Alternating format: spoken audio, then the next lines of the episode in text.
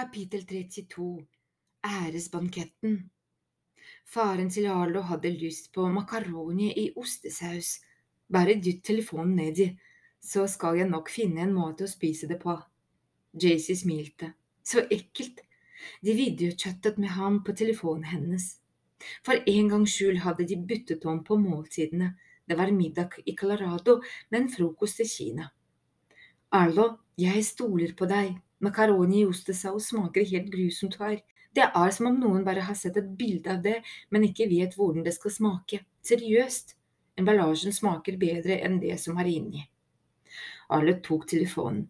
Han holdt den rå mens han dyttet en gaffel med makaroni i munnen og gjorde et nummer av å tygge maten. Det torturerer meg, du våger ikke å si at det smaker deilig. Det gjør det, så mye ost, Faren lot som om han knivstakk seg selv med spisepinnene.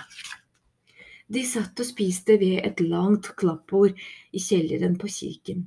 Det var vandretroppens halvårige spleisefest, et begrep Arlo hadde forstått betydde stort sett gryterett og salat.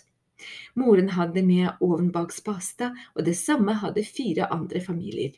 Arlo prøvde en smakebit av hver, selv om moren hadde brukt hjelpeost fra myndighetenes mattiltak. Ikke kall det hjelpeost, sa hun, det har vanlig ost, bare at de gir den til familier som sliter litt. Siden moren arbeidet både på kafeen og som regnskapsfører for verkstedet, tjente hun nok til å dekke de fleste utgiftene deres, men det meldte seg stadig nye overraskelser. En morgen hadde de våknet og sett at ovnen var ødelagt og rørene frosne. De neste dagene hadde Arlo måttet smelte snø til drikkevann og ligge til sovepose i senga. Det hadde vært som en campingtur innendørs. Mekanikeren Mitch hadde hjulpet til med å få reparert alt sammen. Han viste Arlo hvor stengekranene var, og hvordan han skulle undersøke rørene for sprekker. Det kan være ørlite, bare et lite hull, men blir trykket for stort, revner det helt. Mitch hadde dratt på helgetur til datteren i New Mexico. Arle lurte på om moren ville ha bedt ham bort om kveld hvis han hadde vært i byen.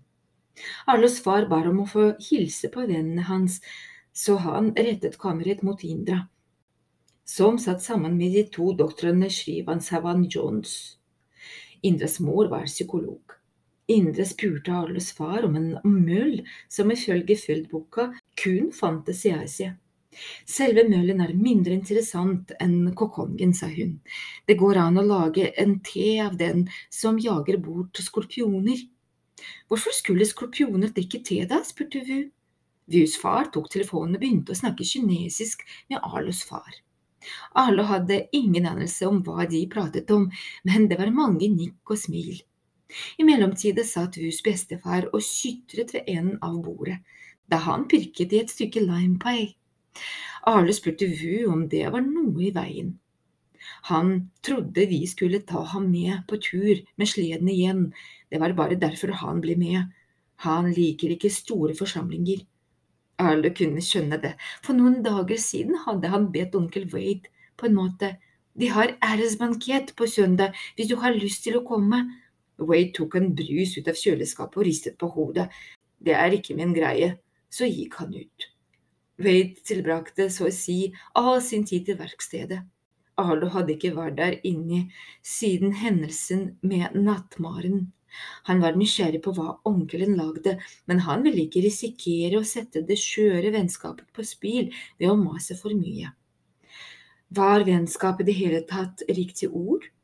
Arlo hadde ingen andre onkler, så han visste ikke hva som var vanlig, men Wade opplevdes ikke som en forelder mer som en forvokst, gretten unge. Arlo var sikker på at Wade hadde flere hemmeligheter enn det som fantes i verkstedet, men han visste ikke om han ville kunne avsløre dem, eller hvordan. Vys foreldre rakte telefonen tilbake til JC. Hver gang det ble snakk om Benji, sukket hun. Arlo visste at de hadde kranglet, men han skjønte ikke hva som egentlig hadde skjedd. Når Arlo hadde tyvlyttet til hennes side av samtalene over telefonen i kjøkkenet, hadde han ikke oppfattet annet enn du hører ikke på meg, og det var ikke det du sa, men det var det jeg hørte, og hva får deg til å tro at det var det jeg mente? Arlo syntes veldig synd på Benji. På motsatt side av bordet satt Arlos mor og snakket med Indres foreldre om kjedelige ting som hulleveien og universitetsutdannelse.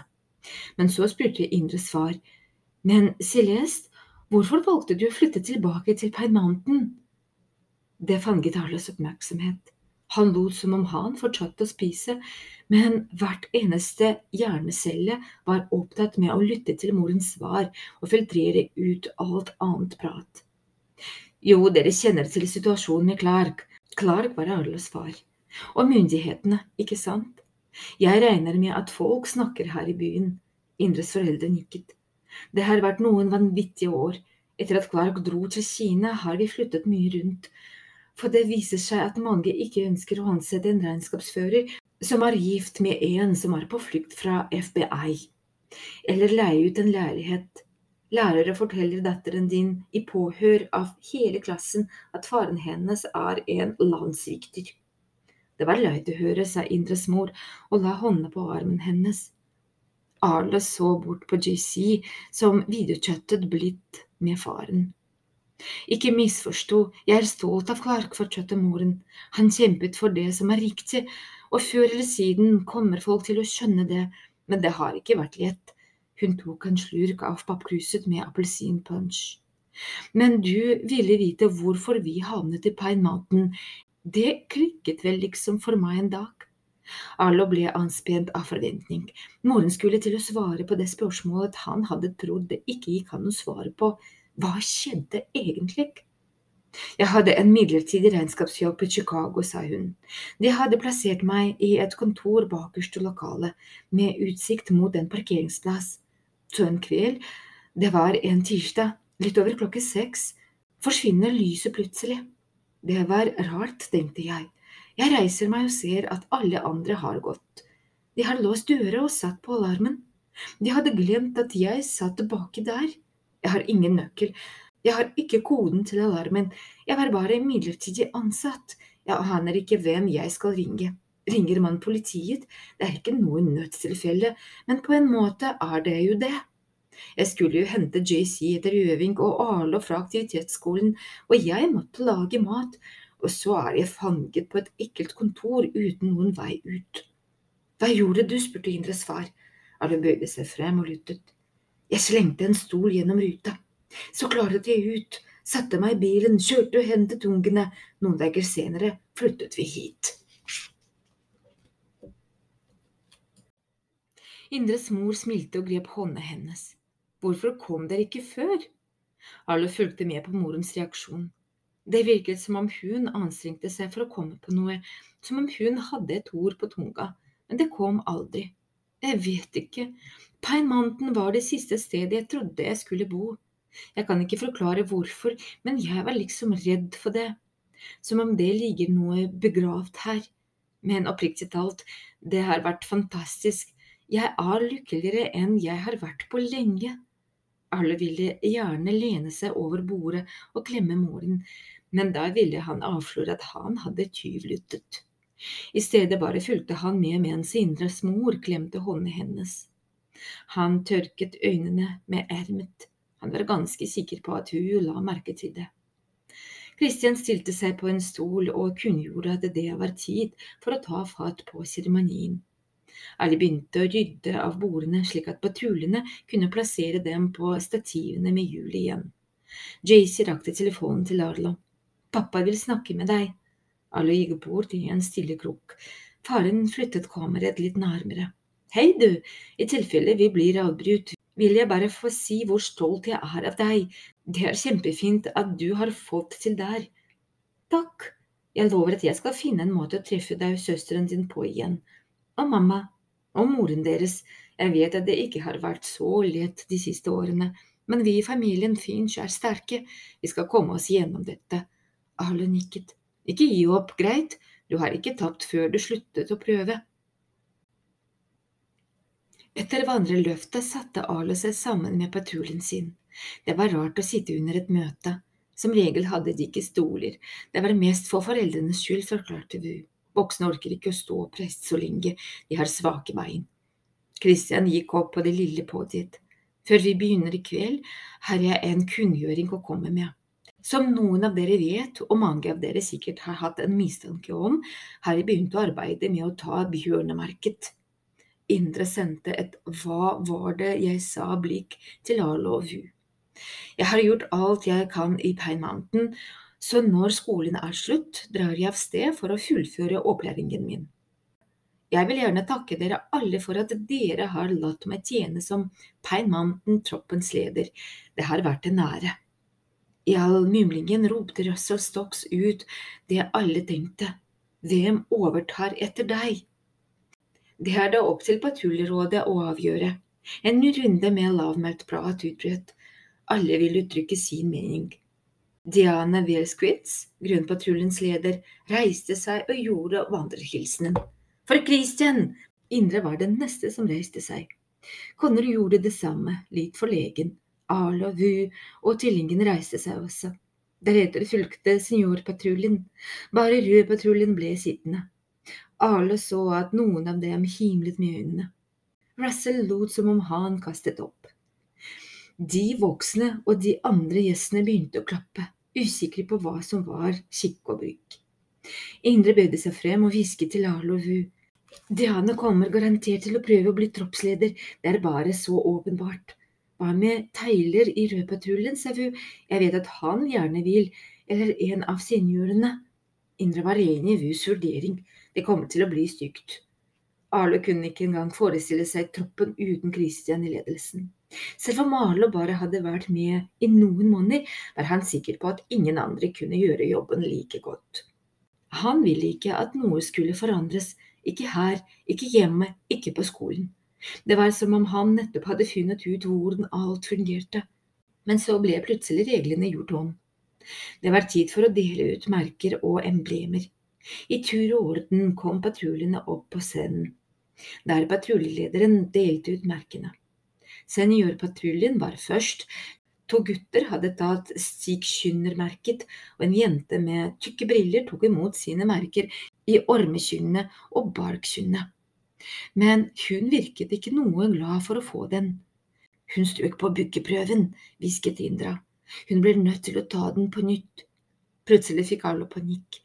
Den samme frykten han hadde kjent da en lærer kunngjorde en uanmeldt prøve. Hans egen rangprøve hadde gått bra, han trodde i alle fall det. Han hadde klart mørkegangen på første forsøk, og det enda han hadde lagd den vanskeligste figuren, en stjerne. Han hadde sagt fram vandreløftet og forklart hva det betydde. Han hadde gjort vandrehilsenen skikkelig og slått alle knutene. Han kom ikke på noe han hadde gjort galt, men ingen hadde sagt rett ut at han hadde bestått. Så var det Rød patruljens tur. De skjulte seg mumlende gjennom presentasjonen som om de var for kule til å gidde å bry seg. Russell Stokes tok imot merker i verger og pilskinnet. Kwame Quame Wilson hadde tatt ulvemerket. Moren hans sto bak alle og tok massevis av bilder med telefonen. Quame hadde vært en av de fem vandrerne i Arlos rangprøve, men hadde ikke stilt ham noen spørsmål, kanskje fordi han på forhånd hadde bestemt seg for å stemme nei. Arlo så bort på Conner, som satt tre plasser unna. Han holdt de nye merkene til alle i patruljen i hånda. Var et av dem Arlos ekornmerke? Han var sikker på at Connor ville ha sagt det om han ikke hadde klart det, hvis han hadde lov til det, da. I stedet for bare å lese opp navn og merke, hadde Diane satt dem inn i et dikt på rim. Det var fiffig noen steder. Taukynet er kinkig, rett og slett, for tauet flakker og flytter seg et sett, men mest slitsomt å høre på. De voksne klappet mye høyere enn de andre vandrerne gjorde. Blåpatruljen var den siste. Konner gjorde ingen krumspring da han delte ut spor- og stifinnermerker til Vo og signalisering og spormerker til tvillingene. Indre hadde også gjort seg fortjent til alle de fire, i tillegg til uglemerket. Da konner rakte hendene merket, kunne alle se det neste han holdt i, et ekornmerke. Gratulerer, sa Konner og tok ham i hånda. Ekornmerket var splitter nytt og stivt, Arlo strøk tommelen over trådene som dannet ekornet og eikenøttet, mens han tenkte på onkel Wades gamle merker, som han hadde tatt av skjorta den første kvelden. Han speidet ut over forsamlingen og så at moren klappet. Søsteren holdt opp telefonen slik at faren kunne følge med. Alle merkene var delt ut, men Connor var ikke ferdig. Vi har også noen spesialpriser. Fra uniformslommene tok han fram flere steiner. Arle kjente dem igjen som de røde steinene Konner hadde brukt til å bygge verger i Ildalen. Først ut er prisen for mest utrettelige, et ord som ifølge ordboka betyr ustoppelig.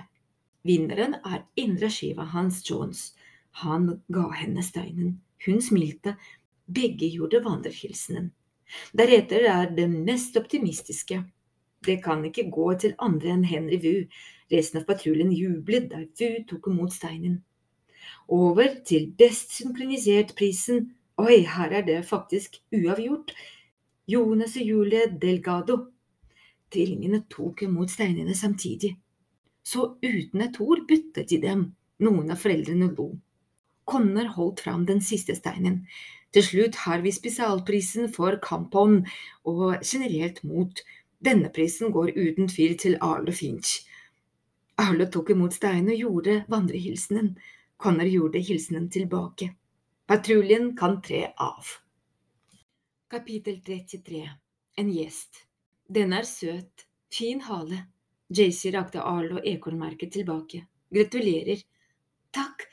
De sto utenfor kirke og ventet på moren, som hadde gått inn igjen for å hente en gjenglemt gryte. De fleste bilene hadde allerede kjørt ut av parkeringsplassen, det summer i JCs telefon. Hun leste meldingen, et blikk på Arlo. Det er greit, sa han, bare ring Benji, du. JC gikk av sted mens hun viklet ut ledningen til hodetelefonen. Månen var en smal flis, og avklipt negl i et hav av stjerner. Arlo stirret på den, fullt bevist på at den var en rund klode. Den delen av månen som lå i skygge, var jo bestandig der, selv om sollyset ikke falt på den. Han forestilte seg at han sto på den og så tilbake mot jorda. Ville han ha kjent igjen landet under seg? Var under i det hele tatt rette måte å tenke om det? Månen var månen, jorda var jorda, de var bundet sammen, men det fantes ikke noe klart over eller under. De befant seg rett og slett ved siden av hverandre, der de spant gjennom mørket for bestandig. Litt av en månekveld, en mann sto ved siden av ham. Arlo hadde ikke oppfattet at han nærmet seg. Han var liten til voksen å være, med en bart som snodde seg opp i to spisser. Han hadde på seg ulljakke, skinnstøvler og pelslue. Snakk om jegermåne. Alle kjente ham ikke igjen. Men så var det heller ikke mange av foreldrene han kjente. Faktisk er det jegermåne når det er fullmåne. Det var noe alle vandrere visste. Det sto i feltboka. Hvorfor drar jeg ut på jakt når det er fullmåne? Da går du tomhendt hjem. Middagen din ser deg komme. Han hadde et snev av aksent. Arlo klarte ikke å plassere den, men den hørtes gammeldags ut. Gratulerer, forresten, det var litt av en bragd. Arlo hadde glemt at han holdt merket. Nesten alle klarer å ta ekornmerket. Ikke den. Det som skjedde i skogene, det var helt unikt. Maen så bort på ham. Øynene var lyse, nesten sølvskimrende. Det skyldtes ikke bare måneskinnet. Du er en av dem, er du ikke? spurte Arlo. Mannen smilte. Tennene var fullkomment hvite og skarpe. Du tilhører folket fra den andre siden av skogene. Han ristet på hodet. Jeg er ikke folk, jeg bare kler meg ut iblant. Hva er du, da? Du kan kalle meg Rev. Det var ikke noe her fore navnet hans, om det i det hele tatt var et navn. Arlo hadde en anelse om at det kunne være hans egentlige skikkelse. Hva vil du? Møte helten. For en bragd det var å beseire trollkjerringa. Akkurat den tok nesten halen min da jeg var valp. Arlo vendte seg direkte mot ham. Hvorfor prøvde hun å drepe meg? På grunn av belønningen. Han gned fingrene sammen. Noen har satt en pris på hodet ditt, Arlo Finch. Slik var det iallfall. Nå finnes det dem som tenker at du kanskje er mer verdt levende enn død. Hvorfor? Hva er det du er ute etter? Noe som er jevnt, noe du kanskje kan finne, men det får vi ta en annen årstid. Jeg kommer tilbake når det er blitt varmere. Han reddet på jakkekragen og gjorde seg klar til å gå. Arlo grep mannens arm. Er jeg fortsatt i fare? Rev lo. Et ekorn er bestandig i fare. Han løftet Arlos arm fra ermet. Men holdt motet oppe, herr Finch, det er nå det begynner å bli spennende. Men han tok et skritt fra ham og kjøv seg forbi ham. Ved neste vindkast var han borte. Arlo snudde seg og så at moren kom mot ham. Hun bar på gryta. Er du klar? spurte hun. Arlo nikket. Det var han.